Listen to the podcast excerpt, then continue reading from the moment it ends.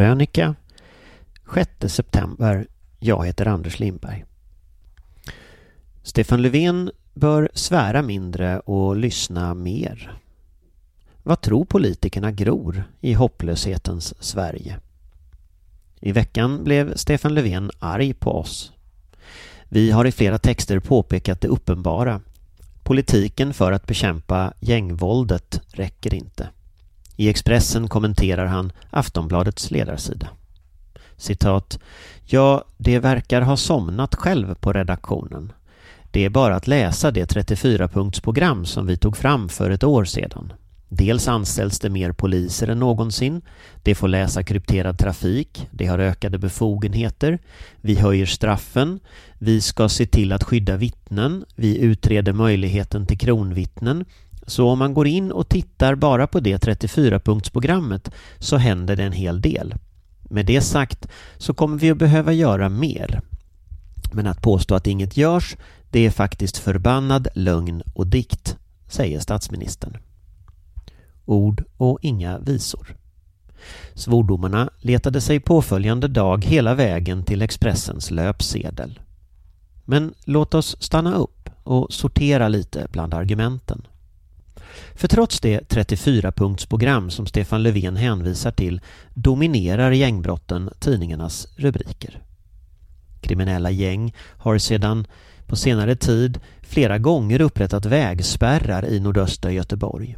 Morden fortsätter och även om den stora insatsen Rimfrost i Malmö var bra så köpte den möjligen regeringen tid. Någon långsiktig lösning var det inte. När vi pratar med poliser som jobbar med dessa frågor är det uppenbart att staten just nu inte vinner. Det gäller gängbrott men även ungdomsrån och en mer allmän känsla av otrygghet som griper omkring sig. Med all respekt för utredningar och program. Politik är en orättvis bransch.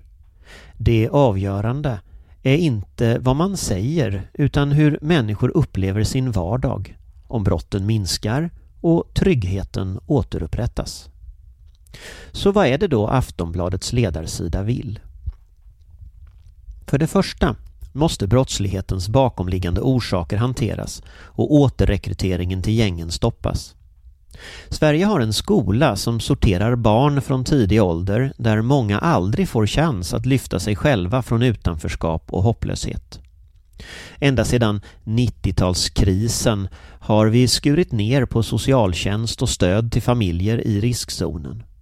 Ungdomspsykiatrin är överbelastad och mycket av det extra stöd som fanns i skolans värld är borta. Samtidigt så har andelen diagnoser ökat och hemmasittarna blivit fler. Samhällets väv brister. Vår bostadspolitik låter stora grupper leva i trångboddhet och på ren svenska i misär. Vad tror politik, politikerna egentligen gror i utanförskapets och maktlöshetens Sverige? Inte rosor i varje fall. Om det finns två nycklar till de bojor som håller människor tillbaka är det språk och jobb. Vi verkar ha förlagt båda just nu. Arbetsmarknaden skiljer på nya och gamla svenskar. Många vittnar om att de sökt hundratals, tusentals jobb utan att ens blivit kallade på intervju. Ett utländskt namn är en hög mur att klättra över. Samtidigt ligger arbetslösheten hos det som Fredrik Reinfeldt en gång kallade etniska svenskar mitt i livet betydligt lägre. Hur bryter vi detta mönster? En väg är språk.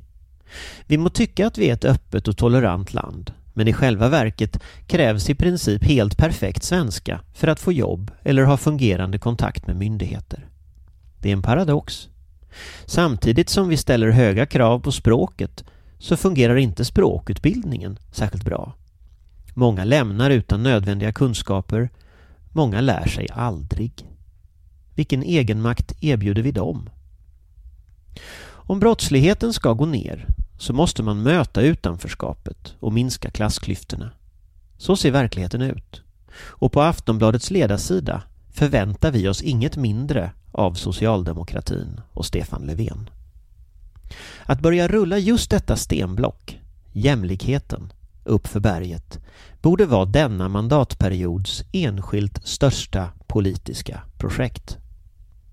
Det andra vi förväntar oss är effektivare brottsbekämpning.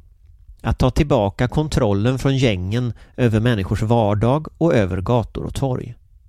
Det kräver tuffa ideologiska omprövningar, kanske större än vi förstår. Först ett erkännande. Vår kriminalpolitik är uppbyggd för ett land där en del av de problem vi nu måste hantera inte fanns. När barn, även under 15 år, används som knarkkurirer eller när gängen skickar 17-åringar för att mörda eftersom de kalkylerar med ungdomsrabatten står vi handfallna.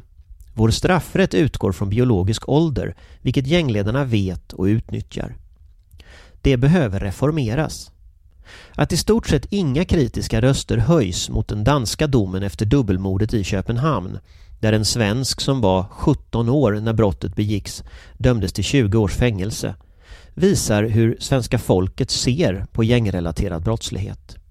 Ofta är det rimligt att unga får mildare straff och vård. Människor kan förändras, men lagen bör se till helheten snarare än bara biologisk ålder. När det kommer till gängbrottslighet har samhället ett legitimt intresse att skydda liv och hindra folk från att återvända till gängmiljöer. En annan balans som behöver omförhandlas är avvägningen mellan personlig integritet och effektiv brottsbekämpning. Börja med att riva av plåstret med övervakningskameror i offentliga miljöer där brott begås. Stefan Löfven tar i sitt svar till oss upp att polisen får läsa krypterad trafik. Det är självklart bra. Men de digitala verktyg som finns idag är både dyra och komplicerade. När den grova brottslighetens cyberförmåga alltmer påminner om staters krävs både ytterligare befogenheter för polisen och bättre teknik. Sverige har idag både förmåga och kunskap. Den bör användas. För att ta några konkreta exempel. Att Stefan Löfven svär åt oss i Expressen kan vi leva med. Men det viktiga är nu att regeringen lyssnar på kritiken.